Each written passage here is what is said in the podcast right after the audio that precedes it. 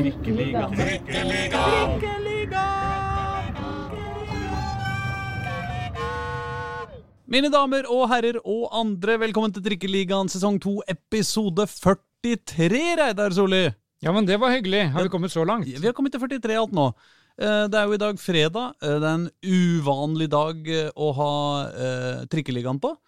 Men eh, det var så mye som skjedde denne uka, så sånn blei det. Fordi eh, i dag har vi rett og slett Thomas Holm på besøk. Fordi han avsluttet da tredjevisjon med tidenes høstsesong, kanskje, for Nordstrand gjennom tidene. Ja, det er vanskelig å si. Nordstrand vant tross alt første NM-gull i Norge, da under navnet Grane i 1902. Men det skal vi slippe å belemre Thomas Holme. Stakkars fyr, det kan vi ikke. Men det vi må belemre han med, er jo eh, åpenbart eh, Du vet, en og annen pokal for Vålerenga. En og annen liten karriere i Heerenveen. Eh, han har vært eh, ute og surra i noen andre norske klubber òg, men det trenger vi ikke gå så, så nøye inn på. Og trent under en United-manager. Ja, han har det òg, vet du. Han eh, har i hvert fall veldig mye historier. Eh, og det blir deilig. Det blir morsomt. Det kan være at det er litt altså det kom, mens vi eh, skulle, Når vi skulle gjøre intervju med Thomas, eh, så kom det rett og slett en slamsugerbil utafor her, eh, som ikke bare lukta høgg, men også lagde litt bråk. Så vi får håpe at lyden eh, låter ålreit, men jeg har i hvert fall varsla det, at det kan være, at det kan være litt uh, ulyd. Eh, men i tilfelle blir det bedre i løpet av intervjuet, fordi da var det slammet ferdig sugd. Forrige regjering har skylda for det. Men, Absolutt. ehm, absolutt. Vi klarte å Thomas Holm hadde mye å berette. Ja. Så uh, gled dere til det. Altså, det kommer mm, Nei, ikke nå. Nå kommer det!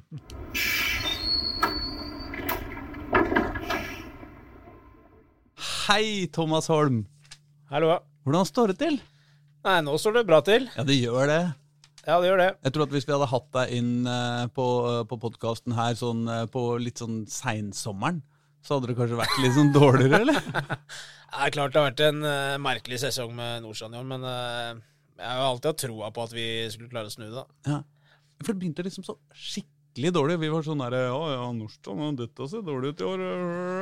Og så plutselig så ja, Åssen blei det til slutt? Dere vant seks-sju kamper på rad og Vi hadde seks seire på rad, og så en uavgjort eh, siste matchen. Ikke sant, så De sju siste kampene, ikke ett eneste tap. Nei. når dere lå på Dere må ha ligget på direkte nedrykk en stund her? Ja, Vi eh, hadde ett poeng på seks, de seks første. da. Ikke sant?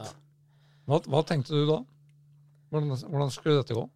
Nei, da klart eh, Man blir jo usikker. Eh, uavhengig av nivå, tenker jeg. At, uh, og det er, dette er noe jeg aldri har opplevd før, uten å være høy på meg sjøl. Men jeg har aldri i fotballen så har jeg vært så heldig og stort sett som spiller og trener vært en del av lag som, hvor det har gått bra. Mm. Uh, når det da plutselig går dårlig over tid, så, og du ikke har den tida i tillegg, med halv sesong, Mm. så er det klart, da, da må du jo bruke den erfaringa du har, snakke med de folka rundt som du stoler på som har kompetanse, andre trenere eh, osv. Mm. Eh, så det er klart, det har jo vært et eh, tøft år, men også veldig lærerikt. Eh, for man kommer ikke unna dette her i fotballen, tror jeg, over tid, hvis du skal være trener. Men hva var, det dere, hva var det dere spiste i sommer, liksom? Hva, hva? Nei, jeg kan jo begynne, da. Vi, altså, det var jo korona og alt dette her, og jeg tror vi har vært et av de snilleste lagene når det kommer til eh, Selvfølgelig har vi vært litt utafor på kanten, vi òg, men i forhold til kontakttrening osv. har vi fått veldig streng beskjed av klubb om at vi ikke får lov til å drive med kontakttrening. Så da har vi holdt på og holdt på med meterstrening. Ikke sant? Det er en grense på hvor lenge det er gøy. Og så har vi gutta vært kjempeflinke og stått på. Eh, Samtidig så vet jeg det at det er flere klubber som eh, har kjørt en annen retning og trent med kontakt og gitt litt mer rett, eh, rett liksom. og slett. Går, dette går det rykter om, særlig i særlig tredjedivisjon. Ja, ja, og det er klart du får en stor fordel der. Og i tillegg så har du andre lagene som også har trent i jo nesten to år da, med kontakt. Mm. Ja. Eh, men eh, så skal ikke det være noe unnskyldning. Vi, eh, vi har en tre-fire ukers oppkjøring. Mm. Eh, og det er jeg egentlig vant til fra Nederland i fem år der. Mm. Selv om det er Der trener du tre ganger om dagen. i oppkjøringa, ikke én. Gutta her jobber jo og går på skole og de tingene der. Så det er, fra, det koronaperioden da, så var det liksom fra kanskje sitte hjemme i sofaen og ikke gjøre så mye, til det plutselig da, at alt på, skal skje på en gang. Du har jobb, du har skole, du har, du har trening. Mm. Så det ble veldig mye på kort tid i den omstillingsfasen da, eh, for gruppa. Eh, Så vil jeg bare begynne med at så, vi begynte jo da med å spille treningskamper, og vi, eh, begynte, vi, hadde, vi fikk jo Bærum i første runde i NM. Mm. Jeg spilte dem av matta, eh, egentlig. Jeg vet ikke om dere har sett kampen, men eh, der var det ett lag på banen, og da var jeg egentlig ganske overraska, for de har jo holdt på. Eh, Jan Derek kjenner jeg godt, og Ja, det var mye støy rundt dem. At de, Ja. de ble vel tatt i juks. i gåsøgne. Ja, det kan også være, men, eh, men eh, han er nok ikke den eneste som har holdt på sånn. Eh, men Jan Derek er veldig fin, og han er veldig direkte og Mm. er en som tør å stå opp og si fra. Mm. Men jeg blei overraska at vi var så gode i den matchen. Så skjønte jeg også at det var en del overskudd, mens Bærum kommer fra et tett kampprogram. De gjorde vel tre bytter etter en halvtimes tid der, hvor de så at det her må vi gjøre noe, fordi eh, vi spilte dem ut, rett og slett. Ja. Uh, og så fikk vi en flying start der, Uh, kom til andre runde i NM, som klubben ikke har gjort før. Mm. Uh, og da møter vi Sarpsborg hjemme. Det var jeg ikke helt happy med, den trekninga der. Sarpsborg er et vanskelig lag å møte. Jeg ville mye heller hatt Stabæk. Ja. Jeg, tror kunne, jeg tror vi kunne slått dem ut. Det høres det kanskje litt rart ut, men de har, har jo slitt veldig i år. Og Mm. jeg tror vi har hatt mye større muligheter mot et sånt lag enn Sarpsborg. Eh, Som også har et bedre grunn, i mine øyne har et eh, tydeligere og bedre grunn, vanskelig grunnspill å møte. Da. Mm.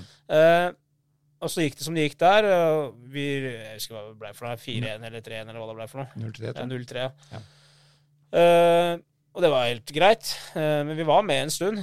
Og Lars uh, svetta litt på sida der. Så, men de hadde ok kontroll. Eh, Er alle, alle trenere du møter, er eh, egentlig spillere du har eh, konkurrert med eller spilt på lag med? I, eh, det vil jo være sånn egentlig hele veien. For jeg har jo altså Jan Derek Sørensen har du jo spilt med.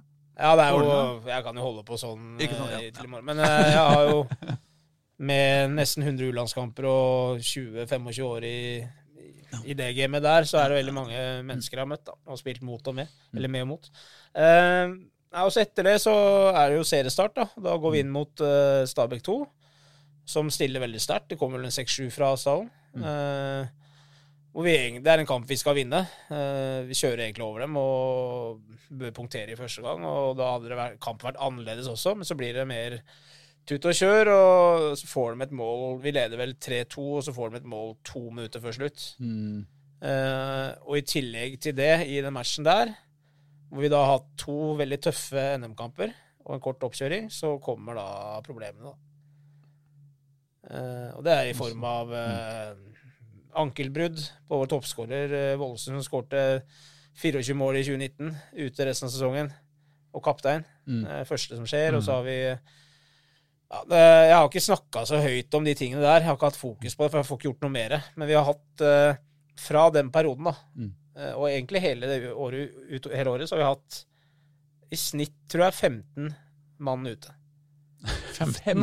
Ja, det er ingen som er klar over våre skadeproblemer. Men jeg har ikke, jeg har ikke giddet å bruke det som en unnskyldning. Og det er, man har en tropp av en grunn, og da må nestemann eh, steppe opp. Men det er klart, eh, når det er sagt òg, før vi begynte med NM, så selger vi jo seks-sju mann rett før eh, seriestart. Mm. Og det er noe jeg er veldig stolt av, for det er to av dem spiller jo nesten har spilt, Eller Bjørn Martin i eh, Christensen i Grorud, og Ja. Filip Romsås i Koffa. Mm. Eh, Spilt masse i Obos-ligaen i år. Mm. Bjørn Martin er tatt ut på U20-landslaget òg. Og, Han har jo X-faktor. Ja. Ja, og Romsås har spilt så å si fast i Obos-ligaen i år. Ja, han er ikke så gæren, han heller, gitt. Nei. Og så har vi Batu, som har spilt i Fram Larvik fast. Vi har Mm. Reda, som har spilt i Nardo ganske mye helt til de bytta trener nå. Mm. Så vi har eh, Det er klart, når du, når du selger da, så mange spillere på så kort tid, rett før seriestart Mm. eh, Etter min mening for mange. Eh, for du skal Dette er et spill jeg har brukt tid på å utvikle, og Mm. som er Vi har et tydelig grunnspill. Eh, og det er klart, du, du bruker tid på eh, å innrette da andre nye spillere. Så skal du finne dem, og så skal de passe gruppe og alt dette her. Kan, jeg kan bare, bare snike inn. Altså, Når du snakker om å, om å selge spillere fra, fra deres nivå, Mm. er, det, er det penger i det? Ja, vi har vel solgt for eh, 200 000-300 000. Ah, ja. Og så kommer vi til NM, som, eh, andre runde NM, som gir 200 000. ja, ikke sant? Så det er jo Ja. Så vi gjør jo Det er jo ikke spillere vi kjøper, for å si det sånn. Det er spillere jeg har henta inn Ja, ja.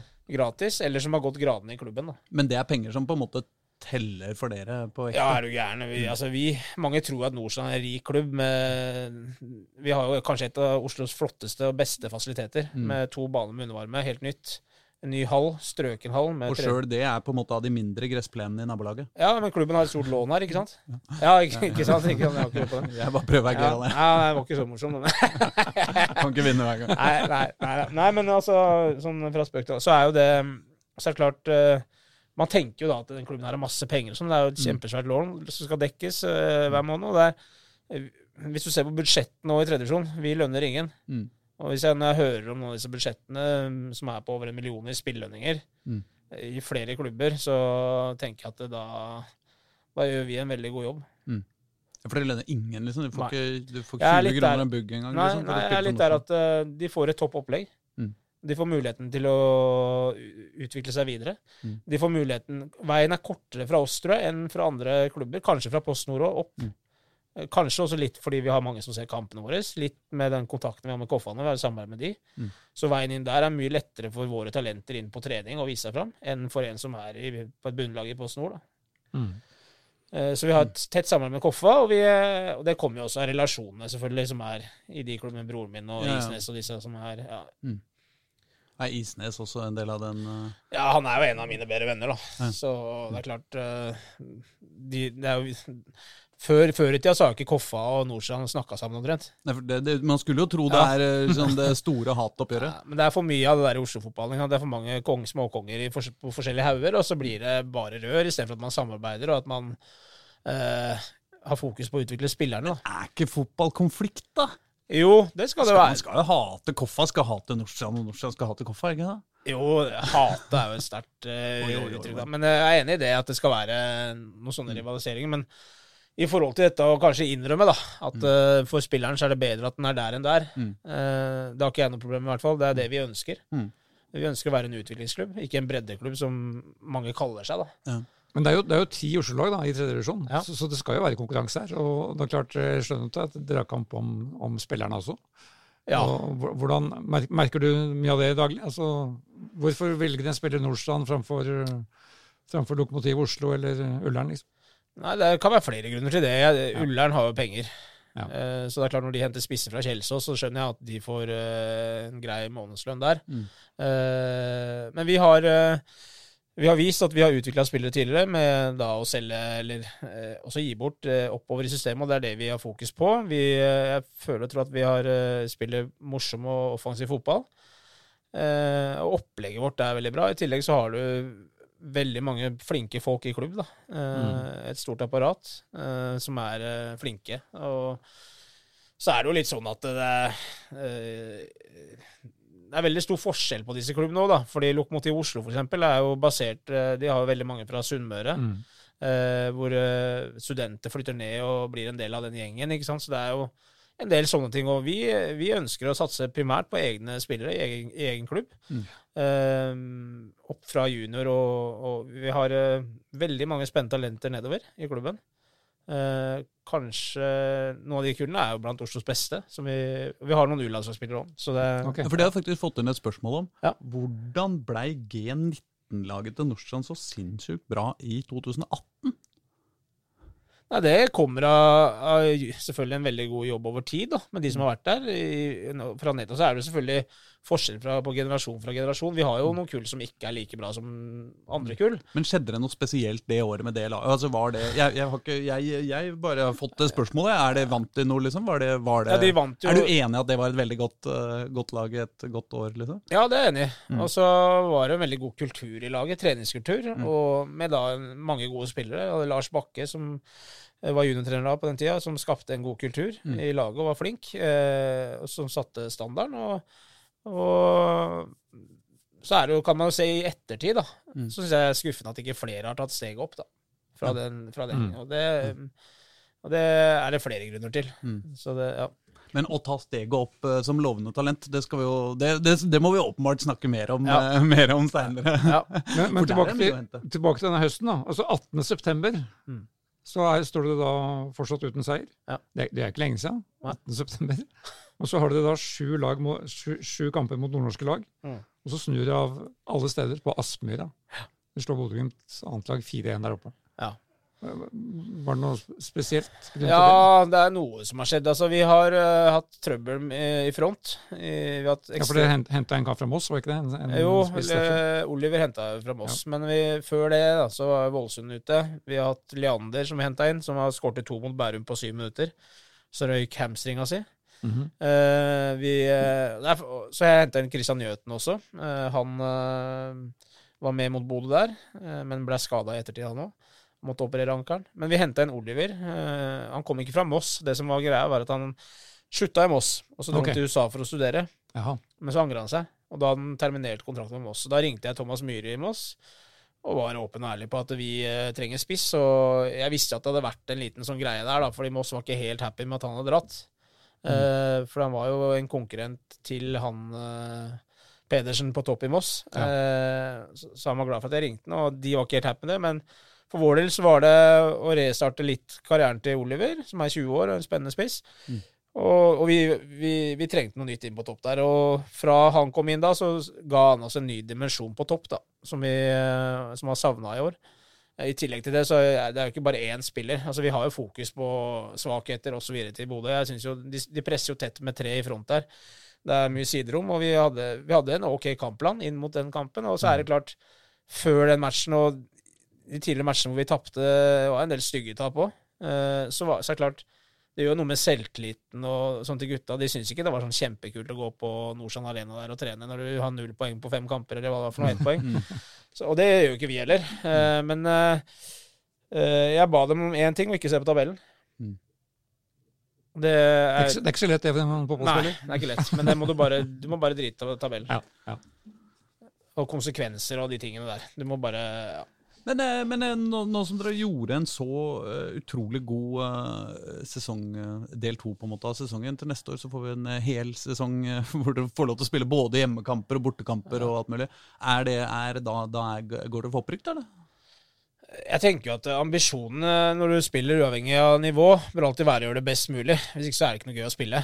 Så hvis man er Man må også være realistisk, selvfølgelig, da. Men eh, at man har uh, litt hårete ambisjoner om mål, det tror jeg er bra. Uh, og da må du anstrenge deg hardere osv. Men uh, akkurat per nå så veit jo ikke jeg hvor jeg er. Altså, det er jo ikke satt en av dette her heller. Fotballen, det er mye som kan skje fram til da. både på trener- og spillerfronten. Ja, men- er, det noe, er det noe tilbud? Nei, jeg har jo vært i Nordstrand nå i hva blir det, ni-ti år Mm. som trener. Mm. Uh, og ikke bare som trener, men jeg har vært med å bygge opp hele klubben uh, i lag med masse masse flinke folk. Mm. Og det er også veldig god læring. da. En ting er jo et A-lag, men du har jo nedover det er masse forskjellige ting som skjer i en klubb. Mm. Akademier osv. Så, videre. så det er store prosesser da, som vi hele veien jobber med for å forbedre. da. Du skjønner det er litt vond eh, ting med denne podkasten. Er at folk har en tendens til å få jobb Eller å ha fått jobbtilbud allerede når vi intervjuer dem. Altså I forrige uke så intervjuet vi Marie Dølvik i Vålerenga. Ja. Eh, Vålerenga damer. Som ikke sant, skulle til og ut og vinne cupfinalen og skåra mål, og alt var bra, liksom. Hun sa liksom Nei, jeg har ikke fått noe tilbud. Og, og, sånn, og så tar det en halv uke etter du er på podkasten, og så har hun gått. ikke sant? Det samme skjedde med Eirik Kjøne i Grorud. Han var hos oss en uke etterpå eller noe sånt. Rett videre, vet du. Men sånn er fotballen. da. Altså, Ja, ja, men, men så nå, nå setter jeg det, putter jeg eh, deg on the spot her. Er det noen konkrete tilbud Nei, som du går og grunner på nå, Thomas? Det er ikke noe konkret, men jeg har jo Jeg har ikke jaga etter noe heller. Jeg trives veldig godt i Nordsjøen. Mm. Eh, la det være klart. Men jeg har eh, I min periode her nå så har jeg vel takka nei til 13-14 klubber.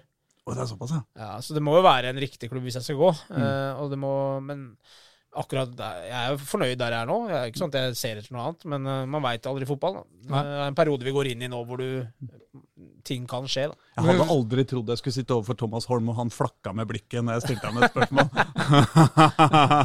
Man skulle jo tro at, at høsten ga et, et løft, da, altså med den resultatrekka. Riktignok mot uh, ja, det, ja, Dere fikk jo også kanskje freskeste reisebelastninga av alle da, i den avdelinga. Dere måtte vi til Nord-Norge annenhver uke. Ja, vi har jo Det er flere ting her. da. Det ene er at uh, sesongen er mer komprimert. da. Så vi, du reiser tre ganger hyppigere enn du gjør i en vanlig sesong. Ja. Mm. Uh, så det er jo en ekstrem slitasje på spillerne. Uh, det er det ene. Og så er det også litt sånn i forhold til at vi fikk seks av syv bortekamper i nord. da. Ja. Eh, så vi fikk jo det desidert verste opplegget, så jeg er veldig sikker på at Nordstrand eh, til neste år Mm. eh, får mye buss på Østlandet her, da. For nå har det vært Nordvestlandet i 2019, og det har vært Nord-Norge i 2021. Mm. Og da, da lukter det Østlandet i, to, i 22, da. Ja, for dette Det er setter, god se reise til Nord-Norge og Men også en liten sånn ting inn på det du, i forhold til det du sier om at vi har snudd i en rekke der, da. Eh, så tror jeg det er Snakka litt med han Frigg-treneren i stad. Gratulerte med opprykket også. Magnus Odland, ja. Ja, fin. Så jeg snak, han, han mente jo jeg er delvis enig, eh, ut ifra min erfaring, at det er jeg tror det er nesten vanskelig, eller større prestasjon å snu en sånn ting, da, Ja. enn å kanskje være med i toppen hvis alt flyter. Mm. For det er en del ting du må gjøre, du må Så, så at vi har klart det, er jeg veldig stolt av, og selvfølgelig all ære til spillergruppa. ja. Eh, for det er de som har snudd det, på en måte. Men kan det være noe i det Bøy, Sorry, Reidar, nå avbryter han. Vi, vi, vi er veldig ivrige her. Det er, det er godt tegn, da. Nei, men Kan det være noe i at når dette er spillere som, som har dagjobber og skole, og sånn da, så er det liksom noe med å gå rett fra jobben og kaste i seg en kjapp lunsj og hente i barnehagen, og så gå på, på Nordstrand og spille kamp? Er noe en litt annen situasjon da, enn å faktisk få liksom Ja, du reiser med fly, men du er sammen med hele gruppa. Du har på en måte At du får huet ditt litt på riktigere sted når du spiller bortekamp langt opp i nord? Ja, nå har vi jo en snittalder på 20 år, da, så jeg håper ingen må inn og hente i barnehagen. Eh, Nei, vi har ingen som har kids eh, av spillere, så de har egentlig Jeg tror de har det fint der, altså, med at de har god tid og de tingene der, men eh, det er klart, eh, dere veit jo litt hvordan det der henger sammen. Dere har vært i gamet lenge, dere òg.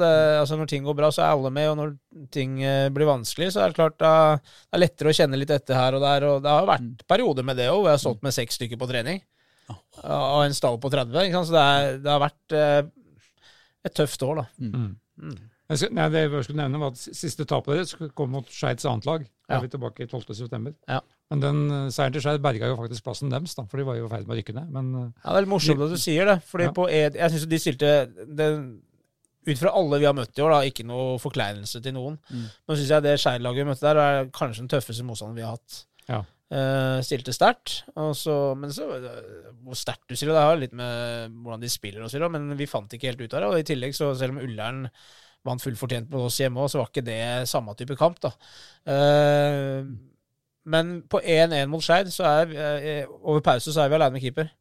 Og Skårer vi to en dag, så tror jeg vi vinner. Ja. Så det er, eh, men så jeg husker det bøtta jo ned også, så det var sånne, mange sånne faktorer, og det gjelder begge lag. Men eh, det blei mer en krig til slutt. Men de det som over, eller ikke overraska, men de hadde gode ferdigheter, mange av de spillerne Skeid, syns jeg.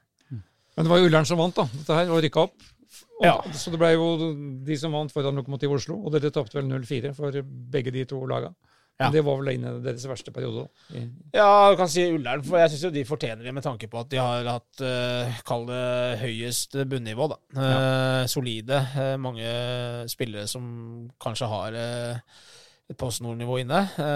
Samtidig så er Hva skal jeg si? Ja, jeg syns jo jeg har sett, De har vunnet i mange tette kamper også. Jeg tror hvis vi hadde hatt full flyt, maks flyt, hatt alle våre med hele veien, så tror jeg også vi kunne vært med oppi der. Ja. Eh, men sånn er fotballen. Noen år Vi fikk alt på ett år, eller et halvt år, for å si det sånn. Dere avslutta da med 0-0 i Narvik mot, mot Mjølner. Og Da fikk jo de straffespark på overtid, så jeg. Ja, og Grunnen til det er at vi, vi sender jo opp alt vi har. Fordi eh, topp fire, trodde jeg, eller fikk jeg beskjed om, ga NM.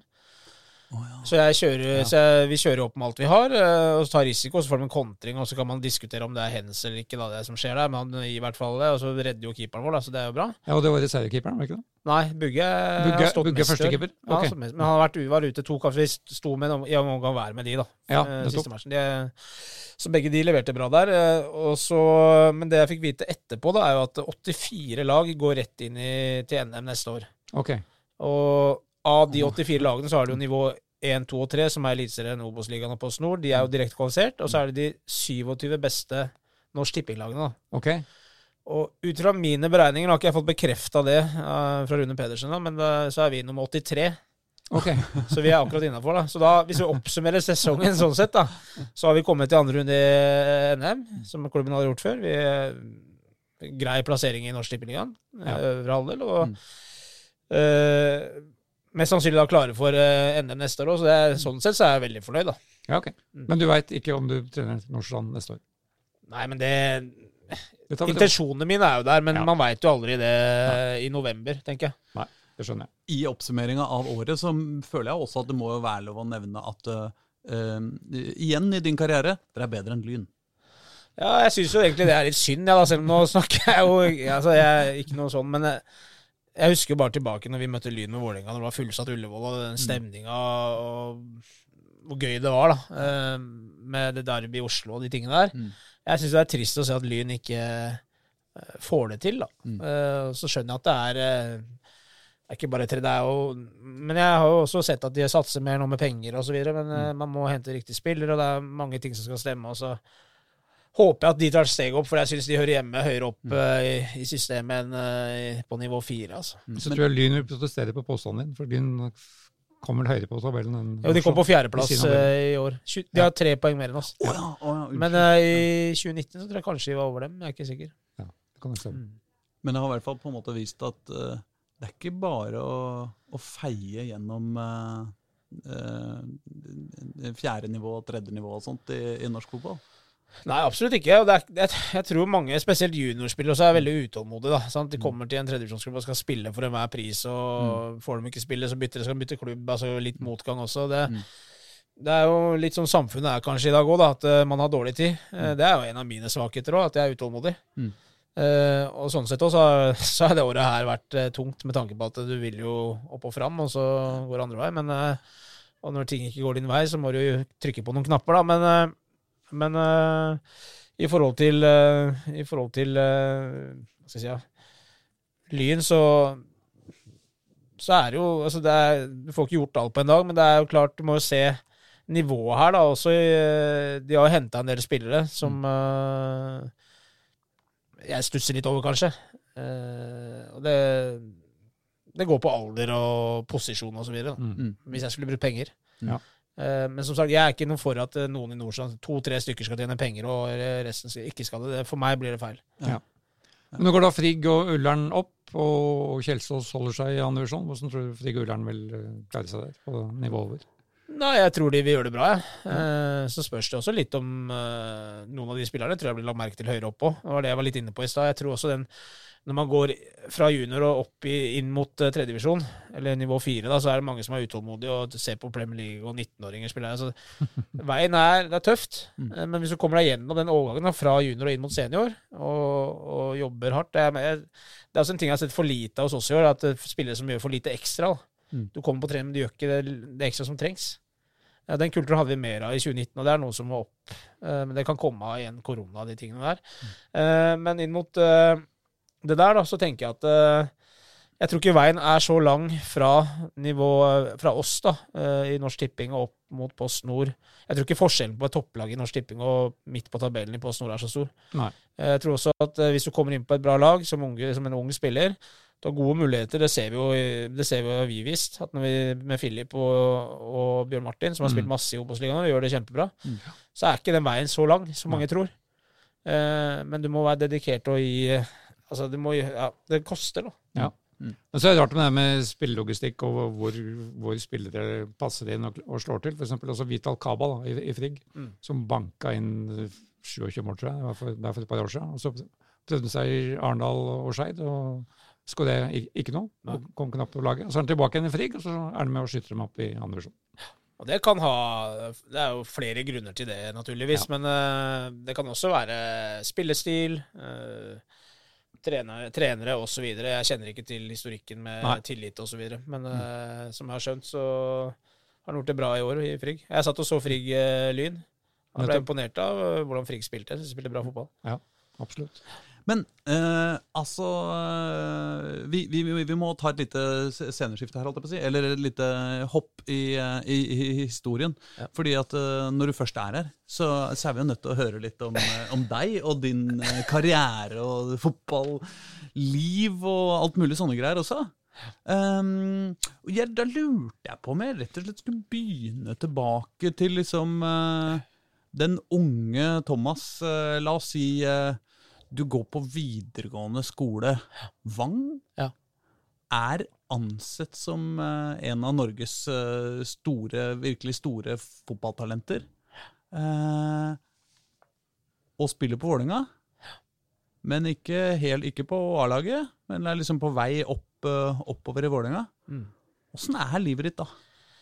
Nei, det er gøy. Det er klart jeg hadde et Uten å være en høy på meg selv, men jeg hadde ganske stort talent. Mm. Jeg tror nok jeg var et av de største talentene som du snakker om, da. Mm.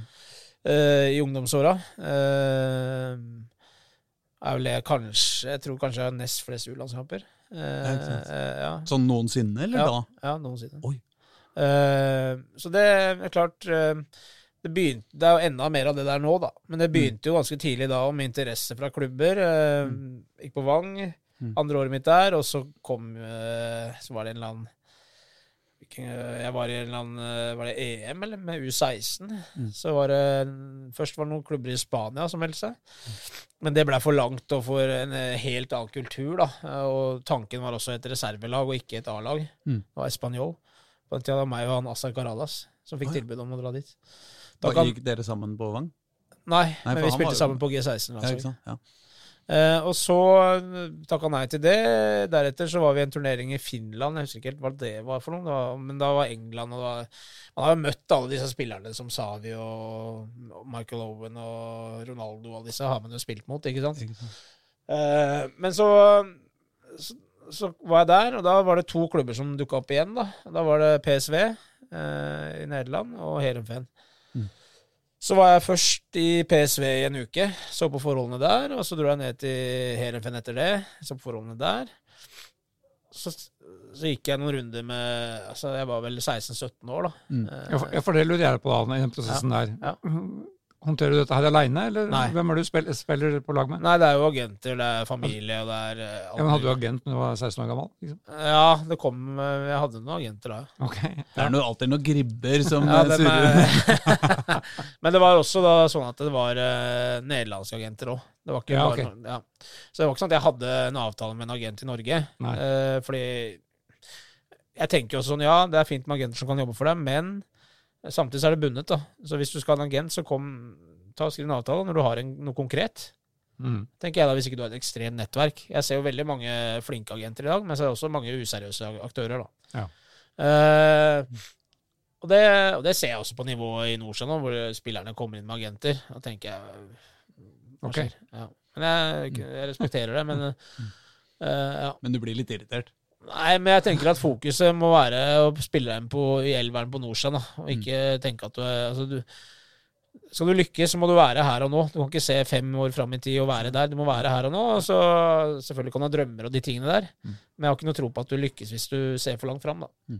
Men du var på vei til Nederland, da? Ja, jeg var på vei til Nederland, og så endte det opp med Heerenveen til slutt, da. Og Ja. grunnen til det, PSV er en større klubb. Topp tre-klubb i, i Nederland på den tida. eh, Nå òg. Topp to, kanskje. Eh, Feyenoord har, har, skjedd mye der. Men uh, Heerenveen har vært veldig flinke med unggutter tidligere. De har uh, hatt en historikk med skandinavere, med Thomasson og osv. Uh, Van Nistelrooy var der når jeg dro dit. Så jeg drar dit, uh, skriver en treårskontrakt. Uh, spiller meg fast inn, nesten fast inn jeg er 17-18 år. Kom på andreplass i serien, spiller Champions League året etter. Eh, og spiller eh, Men når vi kom til Champions League og begynte å spille der, så begynte klubben å gå litt bort ifra de prinsippene med at de har vært flinke til å satse ungt. Så de henta flere rutinerte spillere i Nederland, som da gikk utover spilletiden min og flere andre unge talenter. da eh, på den tida. Eh, Det var vel år to eller tre. Men jeg skrev ny kontrakt igjen, så jeg skrev to eller tre år til. Men i det fjerde året mitt der eh, ble det lite spilletid. Og det er klart, det er ikke I utlandet så er det noe helt annet enn det, det er her i, her i Norge.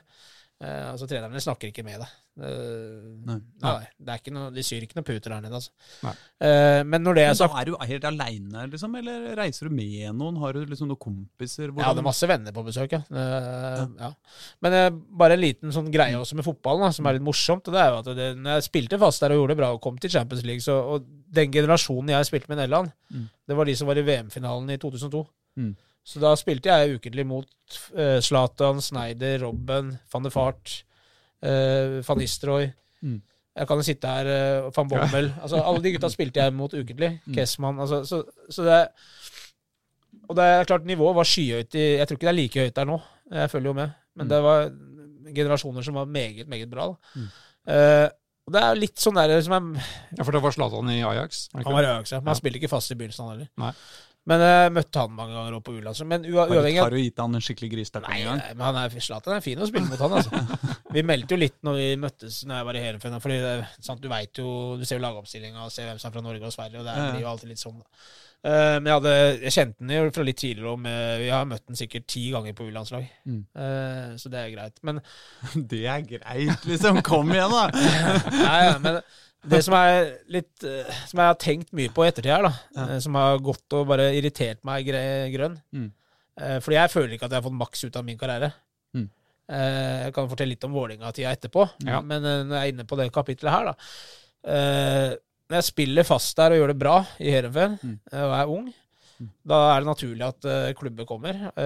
Og så ringer jo agenten, han agenten jeg brukte i Nederland da, Roger Linse, som en av de største agentene i Nederland.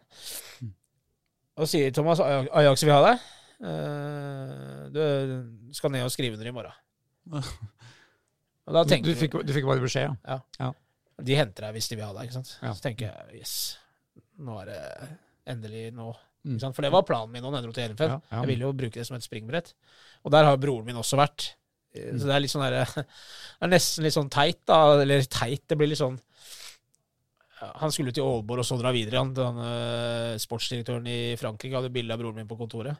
Ok. Eh, Ja, er, men jeg kan ta det seinere òg, kanskje. Men uavhengig av det, da. Så jeg gjør meg klar. Mm. Eh, ringer meg opp igjen på morgenen. Jeg er klar til å dra ned til Amsterdam.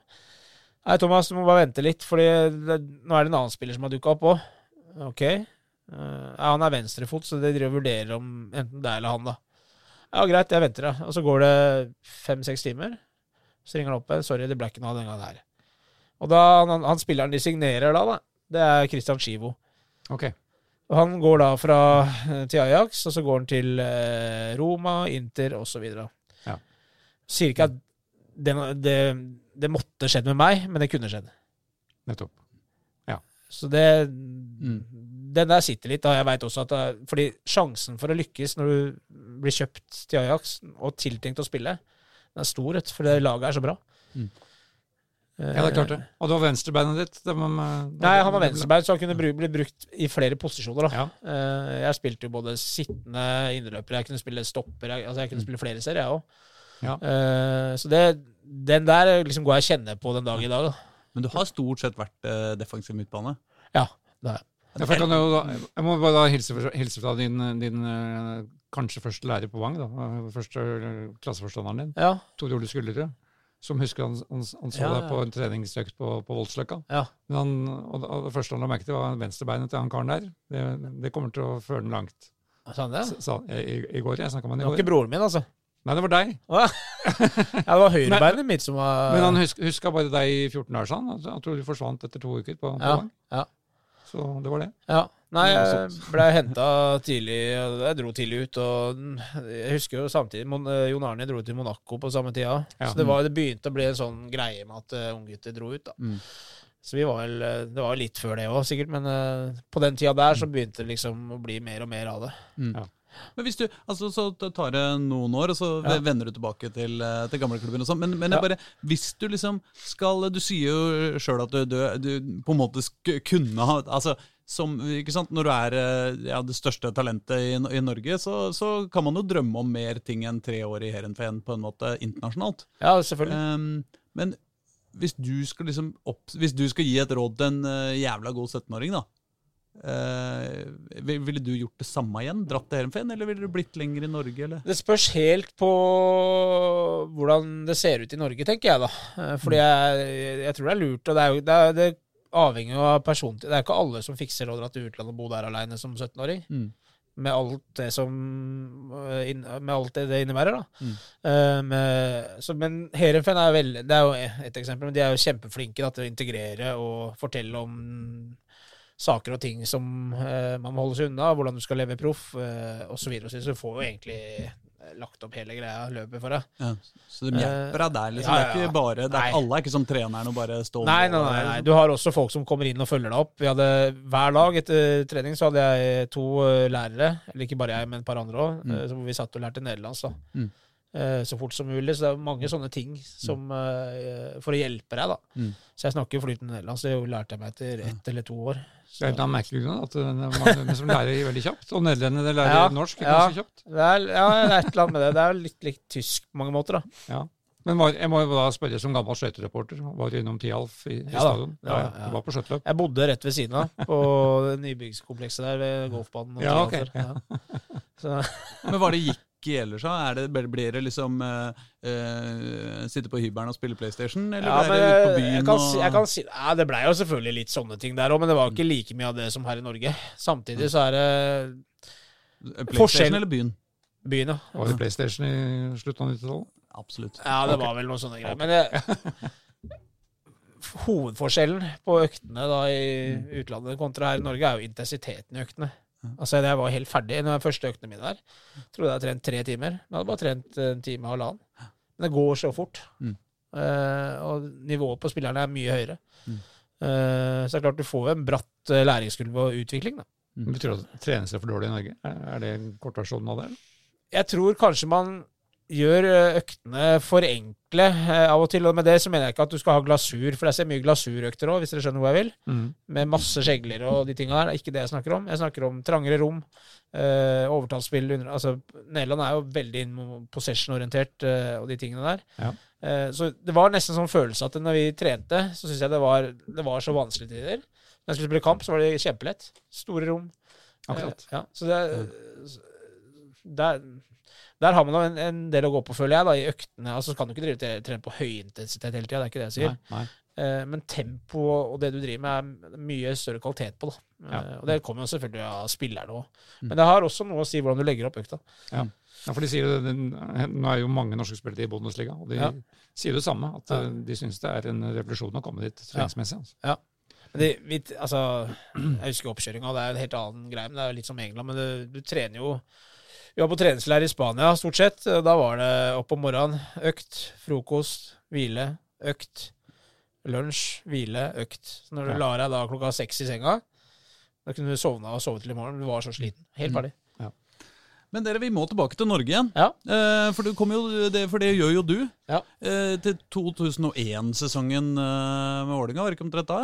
02. 02, Å, det ja. var 0-2, så Ja. du rakk ikke å få med deg eh, Adecco-ligaen, eller hva det het Nei, på den tida? det var jeg ikke med på. Nei, nei, ikke sant? Så du kom rett etter opprykket, du. Ja, stemmer. Tilbake i eh, Eliteserien, og da, eller Tippeligaen. Ja. Og, men det var jo ganske glimrende tidspunkt å komme på, egentlig. det. Sånn i, det, i et litt uh, stort perspektiv så var det jo et lag på vei opp. Ja, men jeg brukte tid på å finne meg til rette og venne meg til den norske fotballen. I tillegg så kom jeg utrent tilbake.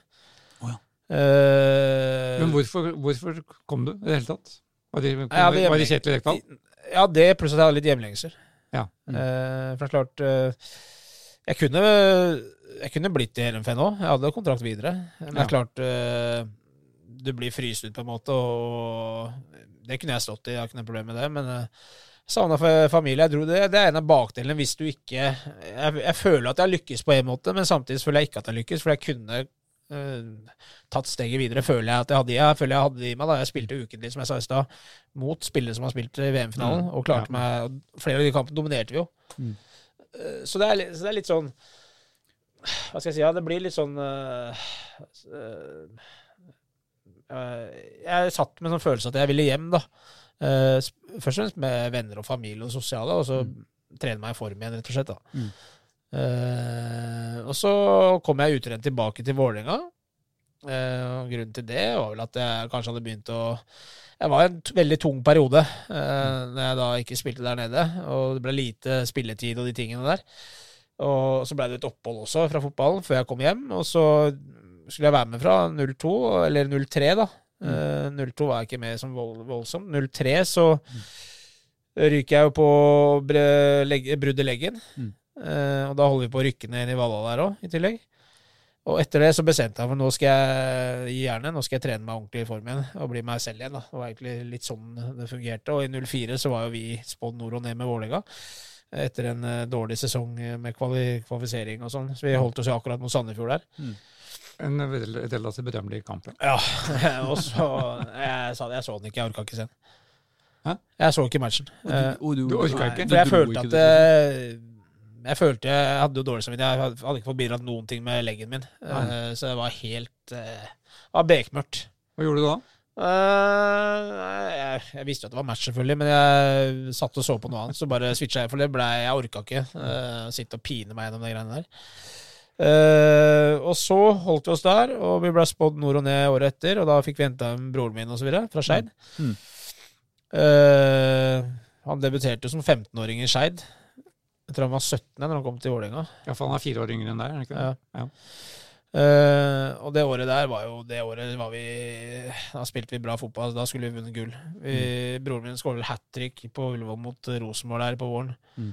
Eh, spiller, jeg mener det er ingen, ingen lag som har bedre enn oss det året der, men så ryker vi da på ett mål, uh, og Rosenborg da vinner igjen, da. Og det har vi selvfølgelig fått et spørsmål om eh, fra Jonny Normann Olsen, en fast og kjær lytter. Ja. Minner du ofte Morten Berre på den bommen mot Stabæk i seriefinalen? Jeg skulle akkurat til å nevne, jeg skulle akkurat til å nevne Det Da. jeg.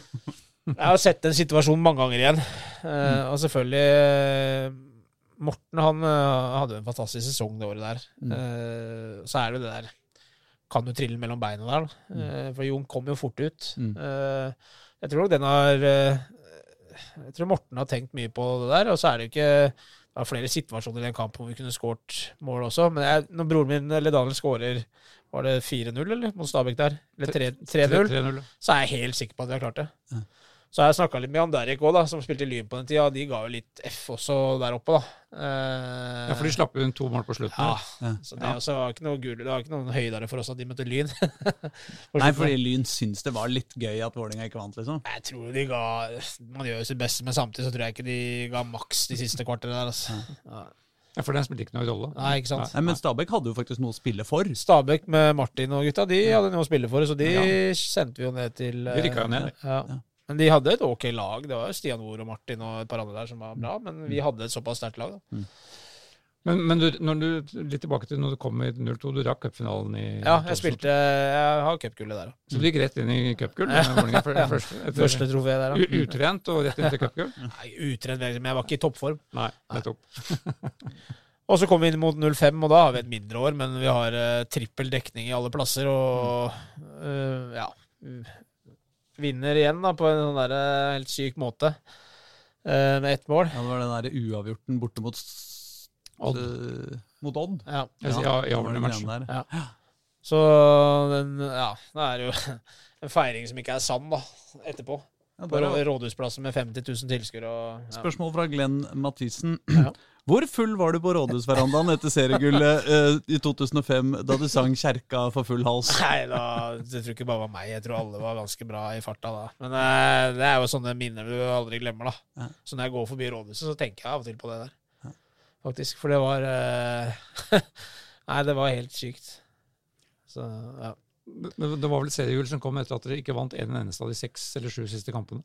Ja, det var veldig, veldig eh, merkelig, ja. merkelig sesong. Og Tom Nordli er selvfølgelig dassen, som Ja. Start skulle vinne. i- Ja, de fortjente sikkert å vinne òg det året. Ja. Jeg syns de spilte bra fotball. Mm. Uh, men uh, da kan man jo si at det det er litt sånn Man får som man fortjener, og vi skulle Ja. ha vunnet i 04. da. Ja, Mm. og fire- fireårgangen var kanskje bedre enn Altså 2004 var kanskje det beste sportslige året. Ja, jeg tror det. Og så har du også da Hva skal jeg si? Ja, du har Det som jeg også syns var bra på den tida, var, var mye, mye Oslo-spillere i laget. Mm.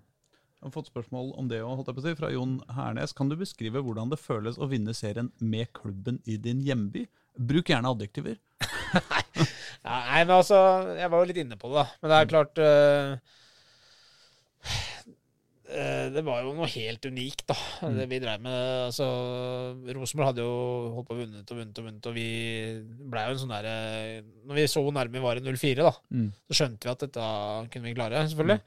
Eh, men det er jo en, en ting alle fotballspillere drømmer om. Mm. Å vinne, uh, vinne serien uh, i den byen du er fra. Da. Anders L spør om hvem var den rareste VIF-spilleren i den gullalderen? Gullårgangen? Og der er det mye å ta i, faktisk. Ah, rareste er jo et sånt vidt begrep, da. Men, Ja, veldig, ja. eh, men eh, før det Jeg har jo Det var én, da, uten å henge ut noen, men det var én før den tida der, som jeg kom inn tidligere, som het Kristen Vikme. Ja. Eh, Freddy Dos Santos skulle bo med han, for han er kjempesosial sånn, nede i La Manga der, en Mm. treningsleir. Mm. for å liksom få den litt i gang, da, men han sa jo aldri noe. Eh, Så Freddy måtte jo planlegge Estland, var det ikke det? Jo, Ja. Så Freddy måtte jo planlegge hva han skulle si før han gikk inn på rommet hver gang. Så han var jo mer på rommet til Berre og oss andre. ikke sant? Så han syntes det var så vanskelig, for han fikk den ikke i gang.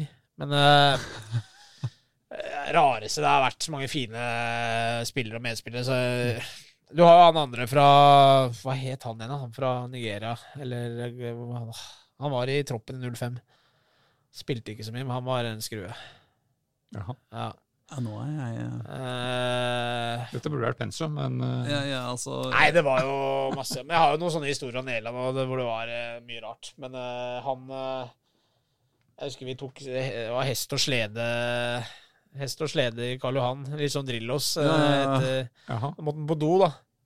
Det må er vi i Nederland nå? Nei, vi er her i Norge. Og vi er, okay. på, er vi på noe Mbuelo Ja, Mabicela? ja, ja. Ja. han på do, da. Og jeg sier du kan ikke gå på do her nå. Det, vi skal med denne sleden her opp langs hele Karl Johan. Ja. Jeg må, jeg må, jeg må. Så, så pissa han bare ut fra sleden. Og det sto jo sånne politifolk rundt sleden. Og så pissa jo denne politidama i huet. Det er liksom helt sånn der eh, sykehus, da. Det Ja. det er sterkt. Men jeg har noen morsomme andre historier da, med, fra den tida der, hvor vi har uh, Steffen Iversen kom inn. da Han eh, brakte jo mye til gruppa òg. Mm. Én ting er jo kvaliteten hans på banen. sånn der. Det er stor forskjell på han og f.eks. Tor André Flo. da Mm. Jeg Ble ekstremt imponert over teknikken og nærteknikken til Flo med sånn høyde. Mm. Eh, men han fikk ikke det til i matchen. Men du ser jo ofte Det er jo trening. Spillerne ser hvor god du er, egentlig. Ja. Og så må du vise det i kamp. Det er ikke alle som klarer å få det ut i kamp. Hvorfor, veit jeg ikke, men det er sånn det er av og til. Mm. Eh, Steffen var veldig flink til å binde opp spillere, da, så han, han tok jo mye plass? Mm. som motstanderen måtte forholde seg til, og så ble det mer plass til oss andre. Men jeg husker han satt og spilte sånn World of Warcraft inne i garderoben. Mm. Og da er det sånn der eh, med headset og mikrofon. da, Han fikk jo mer av sånne, sånne ting i rommet som liksom ble løse stemning. da. Og eh, det er sånn der, Pass rygg, pass rygg, smurf bak deg. Han satt sånn hele, hele tida før trening ikke sant? med det headsetet sitt. da. Uh, og så skulle vi samles nede i bingen der da med laget, og han er jo ikke der. Så kommer han sprintende ned, da. Og så bare stiller han seg ved siden, og så ser vi på han. da. Han glemte glemt å ta av det headsetet da, med mikrofonen. Så vi holdt jo på å knekke sammen. Han han har glemt at han hadde tatt seg av seg.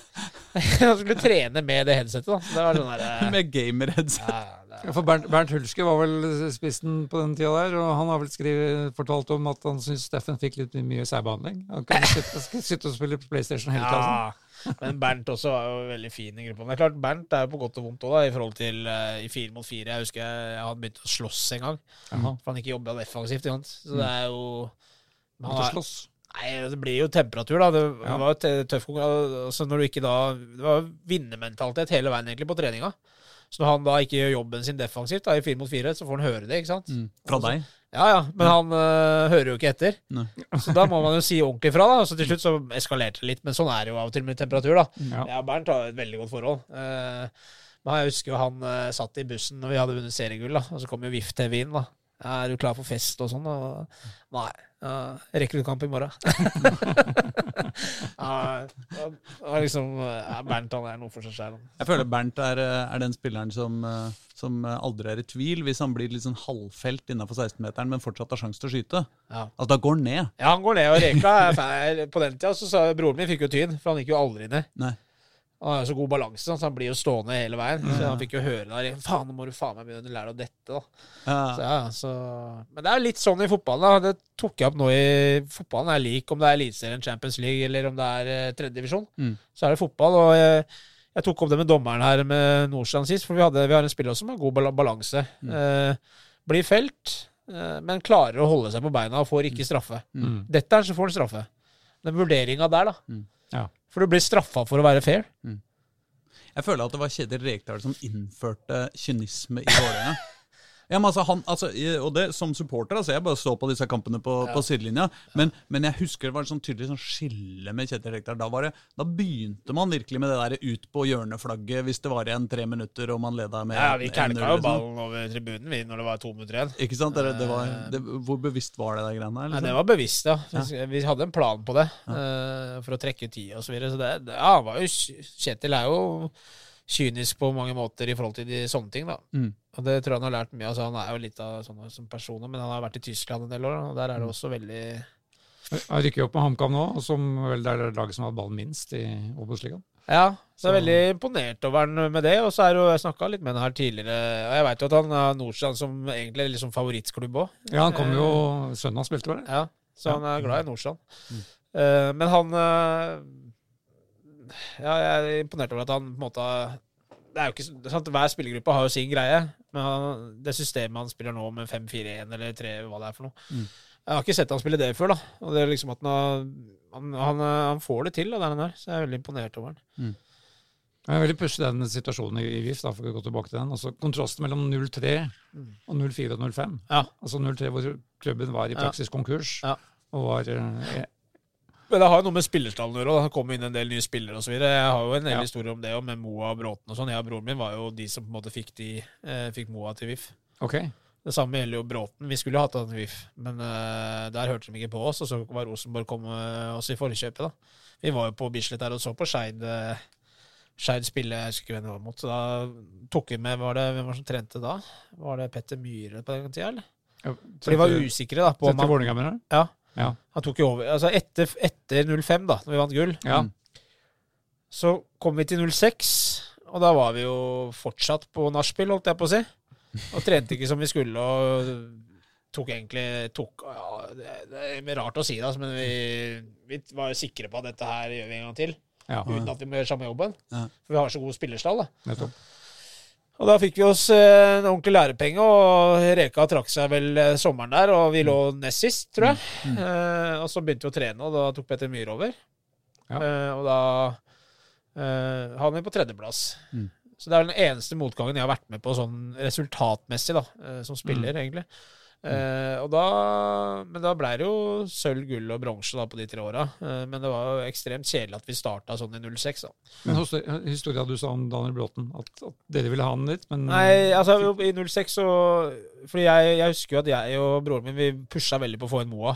Eh, og da var klubben usikker og sånn, så vi tok jo med oss da Petter og Andreas Holter, Jeg husker ikke hvem det var vi tok med, men eh, så fikk de se når den matchen gjorde det bra. Han skårte to mål, og etter det så ville de hente den, så henta jeg Moa. Eh, og det samme gjaldt jo Bråten òg, ville ha han inn òg. Mm. Eh, men klubben var usikker og visste ikke om han var god nok, og så går det et kvarter, og så er han i Rosenborg, da. Ja. Så det er litt det der jeg kjenner på nå, at eh, man må tørre å gi unggutta en sjanse òg. Mm. Eh, spesielt lokale Oslo-gutter. da Istedenfor kanskje å gå til nivå 1 i Sverige da og hente Ja. spillere. ikke sant? men var det du som fikk dem til å, til å signe lillebryteren også? Ja, jeg pusha på det òg. Ja? Så det er, det er først så kommer du til Vålerenga og sier Nei, har du sett lillebroren min spille fotball? Han er jævlig bra, liksom. Og så bare Ja, greit, da, greit, da. Thomas skal få lillebror på laget, liksom. Og så kommer du med Moa, og så bare Ja, ok, greit, da. Få, få. Nei, det, det Det var, er ikke så enkelt som det. da altså, Alle, alle i Norge visste at broren min var et stort talent. Ja, ja. Eh, men eh, men eh, alle visste at Moa var et stort talent òg. ja, men kanskje ikke i like stor grad, Nei. nei. tror jeg. da Men fordi de var jo usikre. De ville jo egentlig ikke hente den. Mm. Eh, Men det er det. Det gjelder jo litt i dag òg, da. Så skjønner jeg at det er, eh, det er jo tøft, og alle de tinga her, spesielt i en sånn klubb som Vålerenga, hvor du må levere med en gang og ikke har den tida. Mm. Men det er det å ha det litt den feelinga på, og da eh, Vålerenga har jo sikkert full kontroll på det nå, men det, Ja, det er, det liksom mange av dem som mener at de ikke har det. da. At- Nei, altså, synes- jeg, jeg ønsker ikke å drive og kritisere, men Nei. jeg bare sier at For det er lett å sitte her og kritisere når man ikke står i det, men jeg sier at jeg tror det for Vålerengas skyld at det vil gagne dem på sikt å ha et lag med flere Oslo-gutter. Mm. Også publikumsmessig, for du får et annet forhold til spillerne. Jeg husker at det, det laget vi hadde, så var det et unikt forhold med publikum. Mm. For de gjenkjente spillerne hele veien, ikke sant. Ja. Eh, og så ja, det var noen utskiftninger her og der, men mange av de samme gikk igjen og gikk igjen, og du får et forhold til det. da. Så den blir mye sterkere enn hvis du har eh, en eh, Og du veit jo også at hvis du har en som ikke kommer fra Oslo, så bryr han seg ikke like mye om klubben. Men, hvor, men altså, hvor, hvor går det liksom den magiske grensa der, da? Vålerenga nå, så er det, si det er tre da, som er faste på, i, i førsteelveren, som er uh, Oslo øst Uh, Ja. og- Ikke sant? Borchgrevink og Osame Sarawi og, eh, og hvem var det Ivan. jeg tenkte på? Ivan Nesberg, selvfølgelig. Nei, Jeg vil ikke si at det er noen grense på, grense på det, altså. Men jeg, og jeg veit jo at igjen, det er et kjempetøft steg da, opp Mm. der og skal være med i toppen av Eliteserien. Det kan godt være at de talentene jeg snakker om her nå, da, mm. er noe unikt. Det veit ikke jeg. Men jeg veit også at Oslo er hovedstaden i Norge, og det bør jo være flere her, talent, stortalenter her som kan ta steg opp, Mm. med litt riktig veiledning Mm. osv. Jeg tror det undervurderes. da. Så er det jo åpenbart altså, jeg, jeg, bare gikk sånn fort gjennom noen av de største eh, profilene som du spilte med. I dine, det er jo det, ikke sant, eh, det er fem år omtrent som du spilte i Vålerenga på den tida. Ja. Eh, fra 2003 til 2007 eller noe sånt. Eh, 02 til 07. Eller noe, ja. Ikke sant? Da spilte du med Panserhagen, eh, Pa, Modoka, Freddy Dos Santos, Kjetil Rekdal, Ardi Angashi, Arna Førsen, og, eh, lillebroren din, Steffen Iversen, Ronny Johnsen, Tor André Flo, Bernt Hulsker, Mohammed Fella, Bojan Sajic, Sajic og uh, Moa. Og selvfølgelig en million andre til. Dette var bare et Magne Hoseth. lite Ja, Magne Hoseth. eh, Altså, dette er bare et lite utdrag. Men altså, det er jo noe med profilene på den tida som eh, som, ja, Det var noen navn som vi kanskje ikke Ja, altså- har i samme grad eh, Altså, for å nevne da litt om uh, trenergruppa og ledergruppa, hvor du da har Lars Bohinen og Petter Myhre og Geir Bakke og Kjetil. Kjetil, Kjetil. Ja. Kjetil. Nei, det som var, Vi hadde jo på midtbanen for eksempel, da, så var det jo stort sett så var det jo meg, Grindheim og Gashi. Eh, men du har jo da Magne Hoseth, Avenshiri Jeg husker Reka, Reka, mange historier om Reka òg, da. Vi, jeg vet ikke om vi har tid til det her nå. Jo, jo, altså Etter re- rekehistorier har vi alltid tid Ja, til. nei, han er jo ja, Jeg husker vi, eh, vi skulle på treningsleir i Tyskland. Mm. Da hadde han akkurat henta Amund Shiri, da. Mm. Eh, og da, da men vi skulle inn og spille five-a-side, da. Så det var en spesiell sånn, turnering mot Tyskland. Bra, ganske bra motstand. Da satte han opp tre, tre femmere, da. som vi rullerte på, for det er intensivt inne, ikke sant. I de hallene der. Og så Men den ene rekka var seks, da. Fordi rekka var med sjæl. Mm. Så, men der var Amund Shiro, han var helt ny. Mm. Men eh, når eh, rekka til Reka ikke hadde ballen, så skulle Amund Shiri spille. Men med en gang de fikk ballen, skulle Reka inn. Så Shiri var ikke borti ballen på den der uh, treningsturen det er liksom sånn derre ja.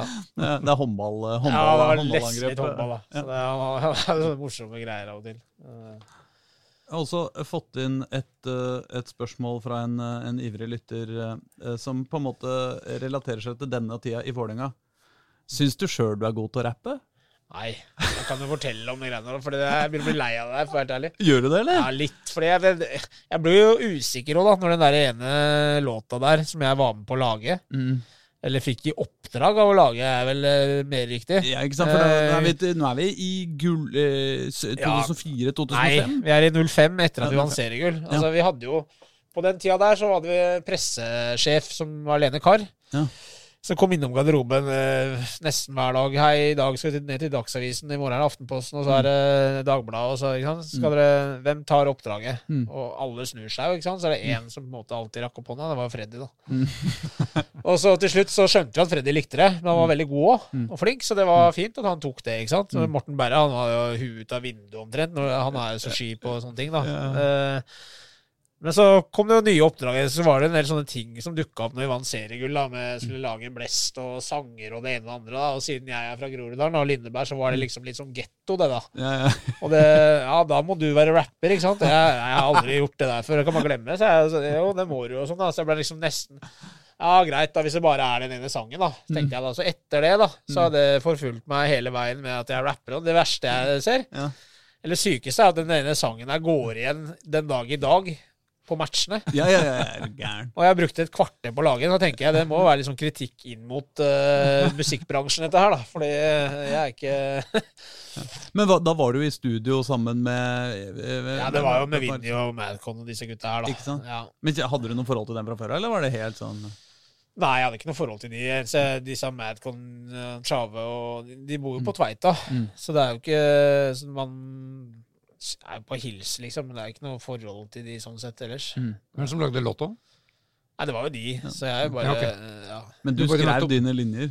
ja, jeg måtte jo være med på å lage et eller annet, men jeg hadde jo ikke peiling, ikke sant. så, det, så det der kan du bare legge bort med en gang. Så det ble ikke noe stor musikkarriere? Nei, men det har jeg aldri satsa på heller. Så det, Men men det var moro, da. Ja, jeg, jeg syns jo det er litt sånn kleint da, at jeg liksom skal gå rundt og være For det er jo liksom jeg, Noe man absolutt ikke er, da. Så, I det hele tatt. Så ja. Da legger vi den død. Ja, jeg. vi, vi, vi, vi, Men vi må tilbake til uh, et spørsmål fra en som heter Pelle. Tok du, tok du ei straffe i, mot Lillestrøm på Åråsen i den berømmelige cupmatchen i 2004, som endte 11-12? Nei, Å ja!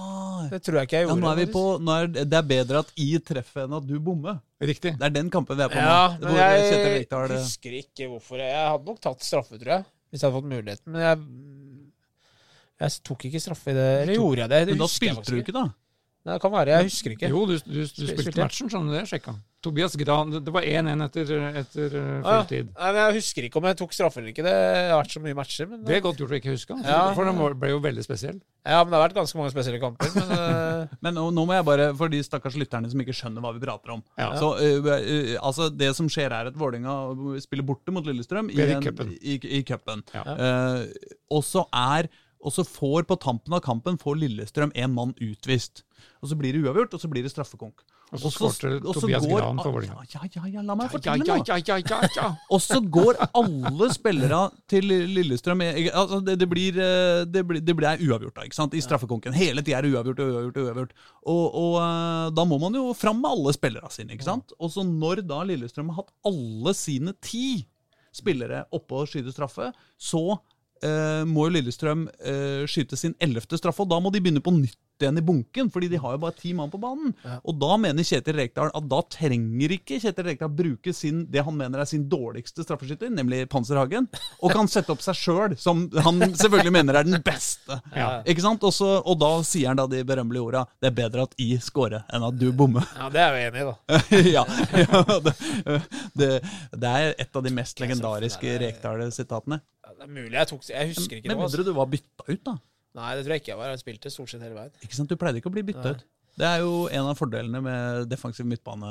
Ja, det som var litt eh, Altså, defensiv, det er litt sånn greit at man Fordi jeg var egentlig, før jeg dro til Nederland, så var jeg veldig offensiv. Mm. Jeg spilte stort sett offensiv midtbane. Ok. Så det var en helt annen altså, type Men, eh, ja. så det, men det er jo mye av de samme tingene i de rollene. Mm. I forhold til pasningsfoten din, blikk osv. Men det, den er jo ofte litt mindre flashy, den defensive, den ankerrollen. Ja, det er liksom. noe eh, Broren min får mye mer oppmerksomhet i den tierrollen enn gjør, eh, eller innoverkant eller spiss. Eller, Ja, ja, ja. Det er jo spissene som ofte Eller de målskårerne, da. Som, ja. På den andre siden så slipper du det jævla maset om at uh, om, når, du, når du ikke scorer mål, da, sånn som kanskje broren din har fått høre mer opp gjennom karrieren. Ja, det kan være. Sjøl om han har, selv om scora en del mål. Altså, det var ikke det. Men apropos på LSK da, så er det jo LSK VIF nå på søndag. Mm. Og ifølge mine beregninger så fikk du med, med deg fire av disse derbyene der på Åråsen. Ja, det kan være. Sist i 2006. Ja. Og er, er det så mye spesielt med de matchene der i forhold til andre? Eller har du vært, vært med på så mye rart at uh, det ikke Ja. skiller seg ut? Nei, det er noe mer eh, altså det er Selvfølgelig det er en større ramme og sånn rundt de kampene der enn når du møter Tromsø og disse lagene her, selvfølgelig. Mm. Men uh, når det er sagt, så mm, Det er jo bare morsomme kamper. Men det blei jo også ofte litt, litt mer eh, Kall det dueller, da. eh, Mot Lillestrøm kontra Lyn, da, for eksempel. Ja. Eh, fordi Lillesund var jo kjent for dødballer og mye lang, eh, direkte spill, da, kall det det. Så jeg visste jo at der oppe så blei det en krig eh, til å begynne med. Og så måtte vi få ned ballen og spille vårt spill så fort som mulig. Da. Det var det som ofte var planen mot de. Eh, fordi de er høye og store, men også litt tunge, sant? så langs bakken henger de ikke helt med. Da. Og unngå å gi bort lette dødballer, og sånn, for der er de, var de i hvert fall eh, Ja. farlige. Jeg har noen øh, flere innsendte spørsmål også. En, øh, de fleste av dem som jeg ikke aner hva det er snakk om. Ok. Eh, prateren på Twitter, Brustom81 kaller han seg, vet ikke. Tom Brustad, det der. Ja, det virker Jeg sannsynlig. har gått i klasse med han. Ikke sant? For han spør nemlig er du like glad i majones nå som du, da du bodde i Nederland. Jeg har aldri likt majones, jeg skjønner ingenting av det spørsmålet der, for å være helt ærlig. Men eh, eh, jeg, det skjønte ikke, det spørsmålet der. Ja, nei, altså, jeg skjønner i hvert fall ikke. Nei, får ta Tom, nå må du opp Kan- i ringa. Kanskje det er en eller annen slags referanse til noe helt annet enn majones? Kanskje Ja, det kan er godt en være, men- eufemisme? Men jeg catcher ikke den, eh, den der. Bra. Uh, eh, Jonny Normann Olsen hadde flere spørsmål. Han spør sportsklubb Verdam ble lagt ned i 2013. Ja. Tanker om dette? Nei, det er jo en uh, Kall det en farmerklubb til Helenfen. Uh, Ja, for du var på utlån der? jeg var der et par måneder, eller tre-fire måneder. Men det, er, det jeg tenker om det, er at det var dårlig økonomi, rett og slett. Mm. Uh, og det, er- det er flere eksempler på det hvor økonomien uh, har ødelagt for klubber. da. Det er flere klubber i Nederland også som sliter. Allen Haag f.eks. i førstedivisjonen i Nederland, Mm. som er en tidligere storklubb. Mm. Uh, Feinor har hatt kjempeproblemer. Eh, og problemet er, Du ser Barcelona nå. De bruker for mye penger. ikke sant? De eh, ville lønninger og bruker mer enn de har. Så det der, det der går litt igjen. da. Det ser du også kanskje i tredjedivisjon i Norge. Mm. Eh, jeg sier ikke at det er feil å lønne, jeg sier bare at du kan ikke gi mer enn du har. Mm. og jeg ser jo det at det er jo ting, fordeler ved det og ulemper ved det. Fordelen er at du kan kreve mer av spillerne dine. Du kan kreve dem inn, eh, Ja. og så. Det er ikke så lett å kjefte på spillere som sier Ja, du kan ikke tvinge dem til å bli bedre eller til å komme inn. Nei. Du må skape en uh, kultur som er gøy. Det må være gøy å komme inn og trene. Eh, morsomme økter. Uh, hvor da også fokuset er at det er seriøst, selvfølgelig. For det er ikke noe gøy å holde på useriøst. Det sier jeg alltid til gutta mine. da. Ja. Um, eh, Lars, eh, som kaller seg OL-silo på, eh, på Twitter, sier det litt breie spørsmålet. Dine beste minner fra tida i Vålerenga? Eller noe du angrer på? Jøss. Eh, jeg angrer på. Eh, Ja, men bare For å begynne med det beste, da, er det noe, er det noe øyeblikk du tenker på sånn utover sånn vinne seriegull og, og sånn? da, Som, Ja, det er som du jo- har det er mange øyeblikk da, som man har. Eh, eh, men jeg føler jo at ingenting trumfer seriegullet. For du har jobba så hardt for det, og så blir du Norges beste. da. Da er du- og, men det beste øyeblikket mitt, bortsett fra seriegullet, er nok den tittelen jeg fikk av lagkameratene mine. Ja. Fordi i 04 Vi hadde alltid sånn kåring, da. Spillerne spiller. Mm. Og I 04 ble jeg spillerne spiller, og det setter jeg veldig høyt. da. Ja. Du ble kåra av dine egne til at du er den best. Ja, så du gjennom var et helt år. rett og slett årets spiller. Ja. Ja. Eh, av mine egne Ja, ja, ja. Så det, det er noe jeg setter høyest. Da. Det har jeg. Det Den, er ganske den har jeg hjemme da. Den henger jo på Hvor høyt kom du på VG-børsen i år? da? Husker du det? Husker jeg ikke. Men jeg de børsene også var veldig rare av og til. For det er ble ofte terningkast. Og Ja. som vi er inne på, spissene får sjuer hvis du skårer et mål, men ikke har vært med noe i kampen. Så det er litt som hvem som sitter og Ja. Men eh, klart, og så er det også er vi på et bra lag. Men jeg, den sitter nok uh, Det er topp tre, tror jeg, i, i Vålerenga-teamet. Eh, Hva med noe du angrer på? Er det noe, har, du, har du liksom vært dust noen gang i Vålerenga? Nei, men det er klart, du må jo ha litt spisse albuer, da. Skal du lykkes. Du kan jo ikke Ja, snill og de tinga der, om, og- men du må også opp og fram, da. Men eh, Ja, men føler som du sa, Morten Berre er jo kanskje den snilleste i klassen. Men han eh, Ja. lykkes jo brukbart, han. Ja da, ja da. Eh, Men da tenker jeg litt mer sånn eh, angre på Nei, jeg har ikke noe sånn konkret jeg vil si nå at jeg angrer på i Vålerenga. Eh, eh, hvis det er noe jeg skal ta, men da gjelder det jo flere enn meg òg. Men eh, da er det at vi ikke var bedre rusta inn mot 06, hvor vi kunne ha vunnet gu- gull en gang til. Ja. Uh, og det burde vi jo. Og så er det jo også det gule kortet. Vi spilte jo Champions League-kvalifisering, og og vi var straffekonk unna gruppespill. Nå er det Brygge. Og første kampen hjemme spiller jeg, så får jeg gult kort, så jeg må stå over bortekampen. Og det irriterte meg grønn, da, fordi da fikk jeg ikke vært med og satt preg på utfallet der. Og Bernt Hulske var i en posisjon på overtid der, før straffene, som jeg har sett han sette tusen ganger før på trening. Mm. Men han kommer litt inn fra sida og køler rundt keeper. Mm. Så han, han tror han køler den i stanga eller rett utafor. Og det var på overtid av overtida i siste ekstraomgang. Mm. Og det er liksom så nære da, for å være i gruppespill. Og hadde vi kommet inn der, så hadde det også vært lettere å komme seg ut igjen. ikke sant? Så det er mange sånne faktorer. Igjen, da, tilfeldigheter i fotballen. Men det gule kortet, var det, var det sånn idiotgult kort, eller var det bare var det greit? Nei, Det var vel Fly inn i en takling der, da. Høy aggressivitet og fart, ikke sant. Så det, vi var jo Vi skulle jo inn i det gruppespillet, det koste hva det koste ville, ikke sant. Så det var jo overtrening sikkert òg.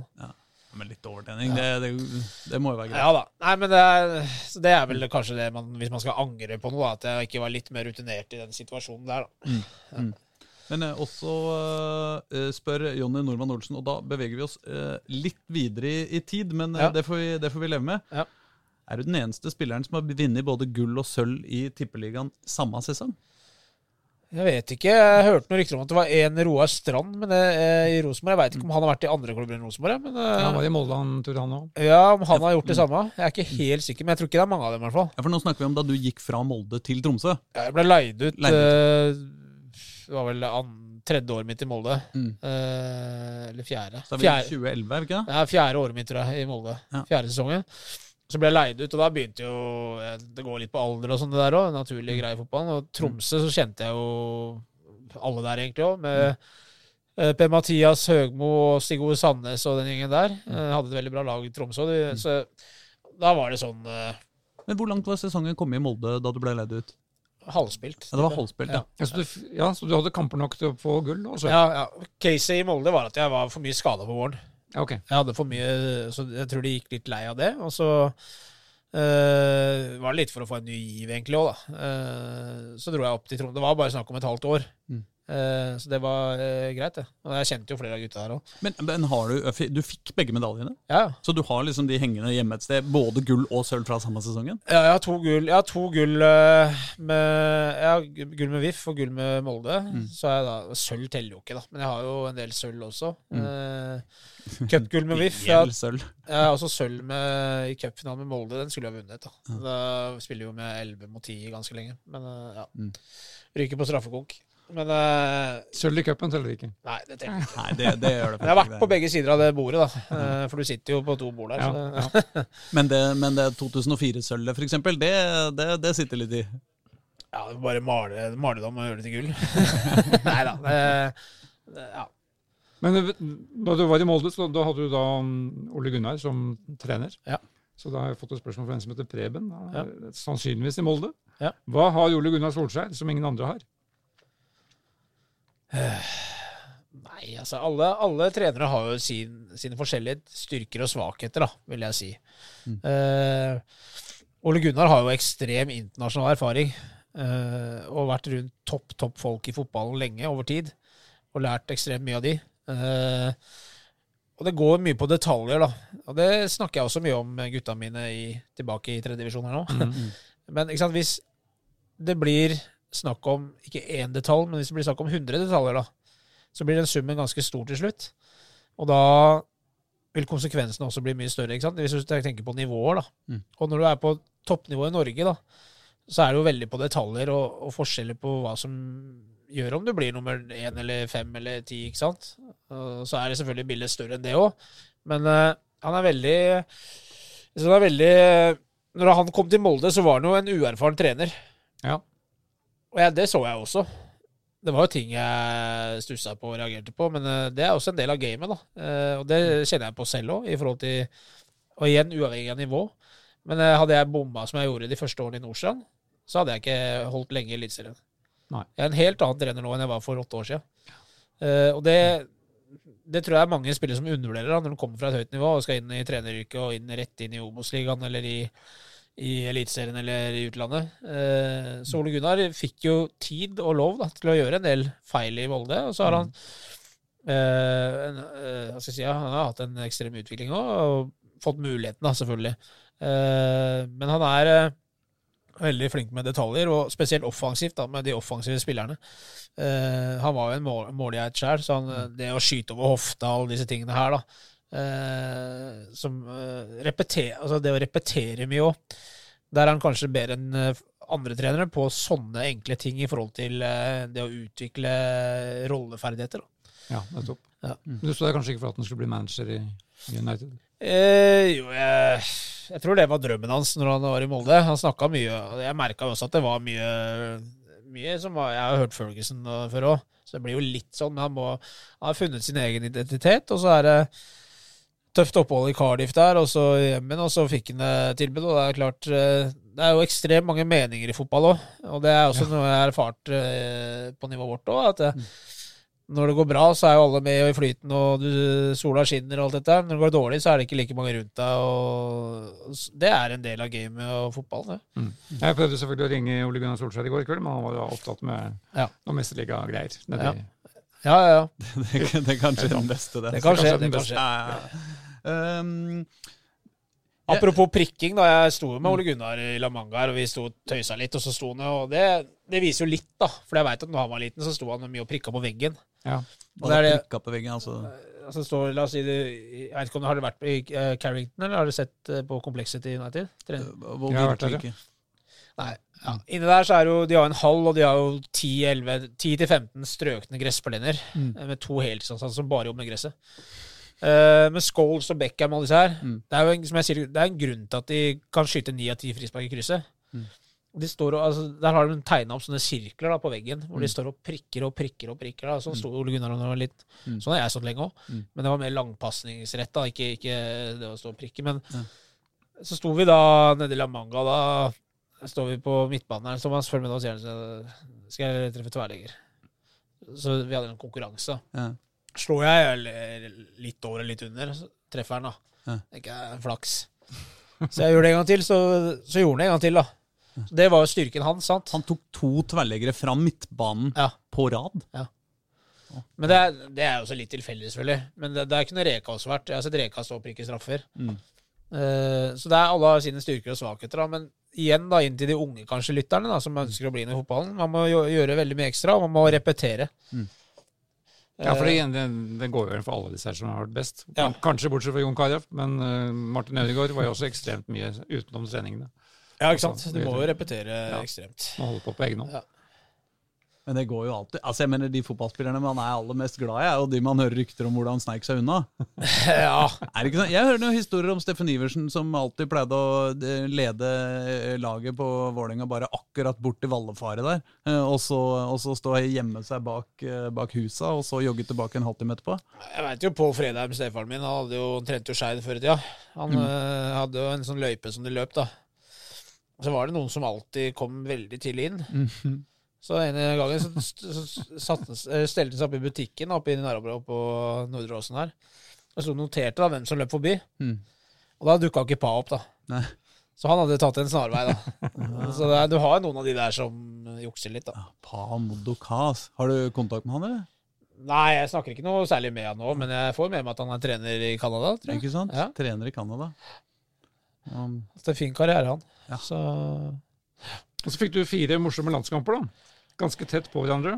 ja, det Av Norge mot Australia, Kuwait, Bahrain og Jordan. Ja, vi var nede i Midtøsten der, men det er ikke all verden. Altså. Når jeg har eh, opp mot 100 U-landskamper, så Ja. forventer jeg å spille mye, mange flere A-landskamper. Så jeg er ikke fornøyd med det. Nei. Det var, Åge, Åge Hareide som hadde landslaget da. vel? Ja, det var det. Eh, Men det skal sies også at det var tøffere altså, Når jeg slo gjennom i Nederland og de tingene der, så var det jo etablerte Premier League-spillere stort sett på landslaget, da. Eh, Så det var Nå så er det flere mye yngre og litt sånt, men eh, det var en litt annen kultur på den tida der, med Semb og de der da, som tok ut laget. Men det er jo også noe av det verste med fotball, er at uansett hvor bra du gjør det, sjøl du altså, ikke sant, Du reiser til Du har et år som utenlandsproff, 50 U-landskamper, har vært en eh, sentral eliteserieprofil i ja, ikke sant? Du har vært en sentral eliteserieprofil i hele ditt voksne liv, eh, altså din voksne karriere, og likevel sitter du her og er litt sånn misfornøyd og tenker at det kunne ha Det er jo noen som får et enda bedre. Og det er ikke, nå mener jeg ikke om det, så det er ikke et, eh, et angrep på ditt, eh, din personlighet. Det er mer sånn Åh, den fotballen, altså. Ja, men det, jeg er fornøyd med altså, Fordi det jeg, det jeg er veldig fornøyd med, er at jeg har vunnet en del ting. Ja. Og vært på gode lag. Det er jeg veldig fornøyd med. For det er ikke så mange som får oppleve det. Det er det. Uh, det jeg er misfornøyd med, er jo at jeg hadde et større talent enn det karrieren min tilsier. Mm. Når jeg ser andre som lykkes, og det er ikke noe, ikke noe negativt sagt om andre, men det er kun meg sjæl det går på. At jeg mener med det talentet jeg hadde, at jeg burde vært uh, i større klubber. Og det samme gjelder broren min. Mm. Daniel også skulle vært i større klubber. Mm. Han har fått ødelagt mye pga. Skade, skader, dessverre. Mm. Med akilles der i tre år i Danmark som har sleit med, og så videre. Så er, men sånn er fotballen. da. Det er tilfeldig, og det er litt det der med å ikke gi opp òg. For du ser jo igjen til 17-18-19-åringer som tenker at de er ferdige da, for de ikke slår igjen med å spille fast i tredje divisjon. Jeg har sett mange eksempler på spillere som slår igjen når de er 25 og 23 år, så det er, det er ikke sant, at du må være 14-15 år, og etter det så er toget gått. Men har du store ambisjoner som trener, da? Det er ikke sånn at du skal, liksom skal ta, ta, igjen, ta igjen på trenersida? Nei, altså Nei, men jeg prøver jo jeg har, Det har gitt mersmak de årene jeg har hatt i Nordsjøen. Og jeg, jeg føler at det er, eh, er noe jeg kan, så er det fotball. Uh, fått bra erfaring her nå, så det er klart Dukker det opp noe spennende, så veit man aldri. Uh, uh, om det Men jeg skal ikke stå her og rope at jeg spiller meg inn. Jeg hører jo Det er jo mange som snakker om Eliteserien og Obos-ligaen. Jeg, jeg tror jeg kunne gjort det bra der. Ja. Men du må få muligheten. Ja, selvfølgelig. Så er det liksom, hva er rutine? For er, i dag så er det ikke så mange praktikere igjen i det yrket. Det er, det er flere, og det har jeg full respekt for de som ikke har vært fotballspillere og som lykkes som trener. Men selvfølgelig er det også noen fordeler ved å ha vært spiller. Du kjenner garderobekulturen, du kan sette deg inn i situasjoner på banen i forhold til hvor du har vært selv, i, i, og hva spillerne tenker i den, den situasjonen. Mm. Kampbildet osv., og, så videre, og erfaringa di, da. Så ja. Jeg har ambisjoner som trener, da. Ja, vi hadde jo Kjell Sverre Hansen Wold her i, som gjest for noen uker siden. Ja. Og han har jo holdt på i Hvor lenge er det? 25 år. Ja. Men han har alltid hatt en jobb ved siden av. Ja. Liksom, han skjønte at treneryrket er såpass ustabilt og litt farlig. Men uh, Ja, men det er det jo også. Det er jo klart det er kontrakter og Avhengig av hvilken klubb det er, men du har jo ikke like god tid, selvfølgelig. Eh, tar du over Vålerenga, så må du levere med en gang. Og tar du over uh, en annen klubb, så kanskje du har litt bedre tid. Så, sånn er det jo. Hvis du skulle Men hvis vi nå liksom tenker ja, i, helt fritt Ja. Du kan velge hvilken som helst klubb du skal ta over som trener eh, fra og med eh, nå neste uke. I hele verden eller i Norge. Ja, ok, To klubber, da. Først en i Norge, og så en i verden. Nei, Hvis jeg skulle valgt Norge, så, så er det jo ikke noe tvil om det, tror jeg. Eh, da ville jeg vært i Vålerenga. Eh, og vunnet gull igjen. Det hadde vært målet mitt der. Eh, I verden så må det jo bli en av de største klubbene som finnes, da. Og det, men så er det litt sånn land, og hvis du skal tenke den, den greia der òg, da, med vær og klima og sånne ting, så Ja, ja, det det kan du også tenke på, ikke sant? Eh, England så regner det mye, og Spania så er det sol, så Du tar heller uh, Barca enn uh... Barcelona nå tror jeg ikke jeg har tatt over. Selv om de har mange unggutter som kommer opp nå, så er, tror jeg det er tøft å være trener der nå. Altså. det, Det gjelder jo alle disse storklubbene. Så det er så mange bra klubber der ute, så én det én klubb jeg kunne tatt over, så hvor, ting, hvor jeg tror det har vært lett, lettest å ta over? Bayern München, kanskje. Ja, ja. Men uh, igjen, eh, det er I ikke, forhold til det er ikke Spania, da. Nei, nei, men nei, drit i været og det der greiene. Nei, men du, da tror jeg kanskje vi eh, lar det slutte med det. Gjør vi ikke det, Reidar?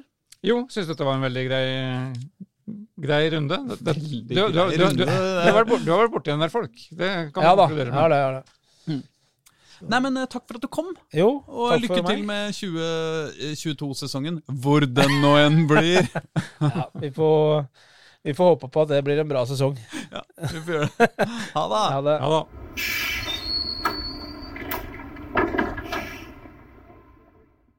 Du har hørt en podkast fra Dagsavisen. Ansvarlig redaktør heter Andreas Heen Haaland Karlsen.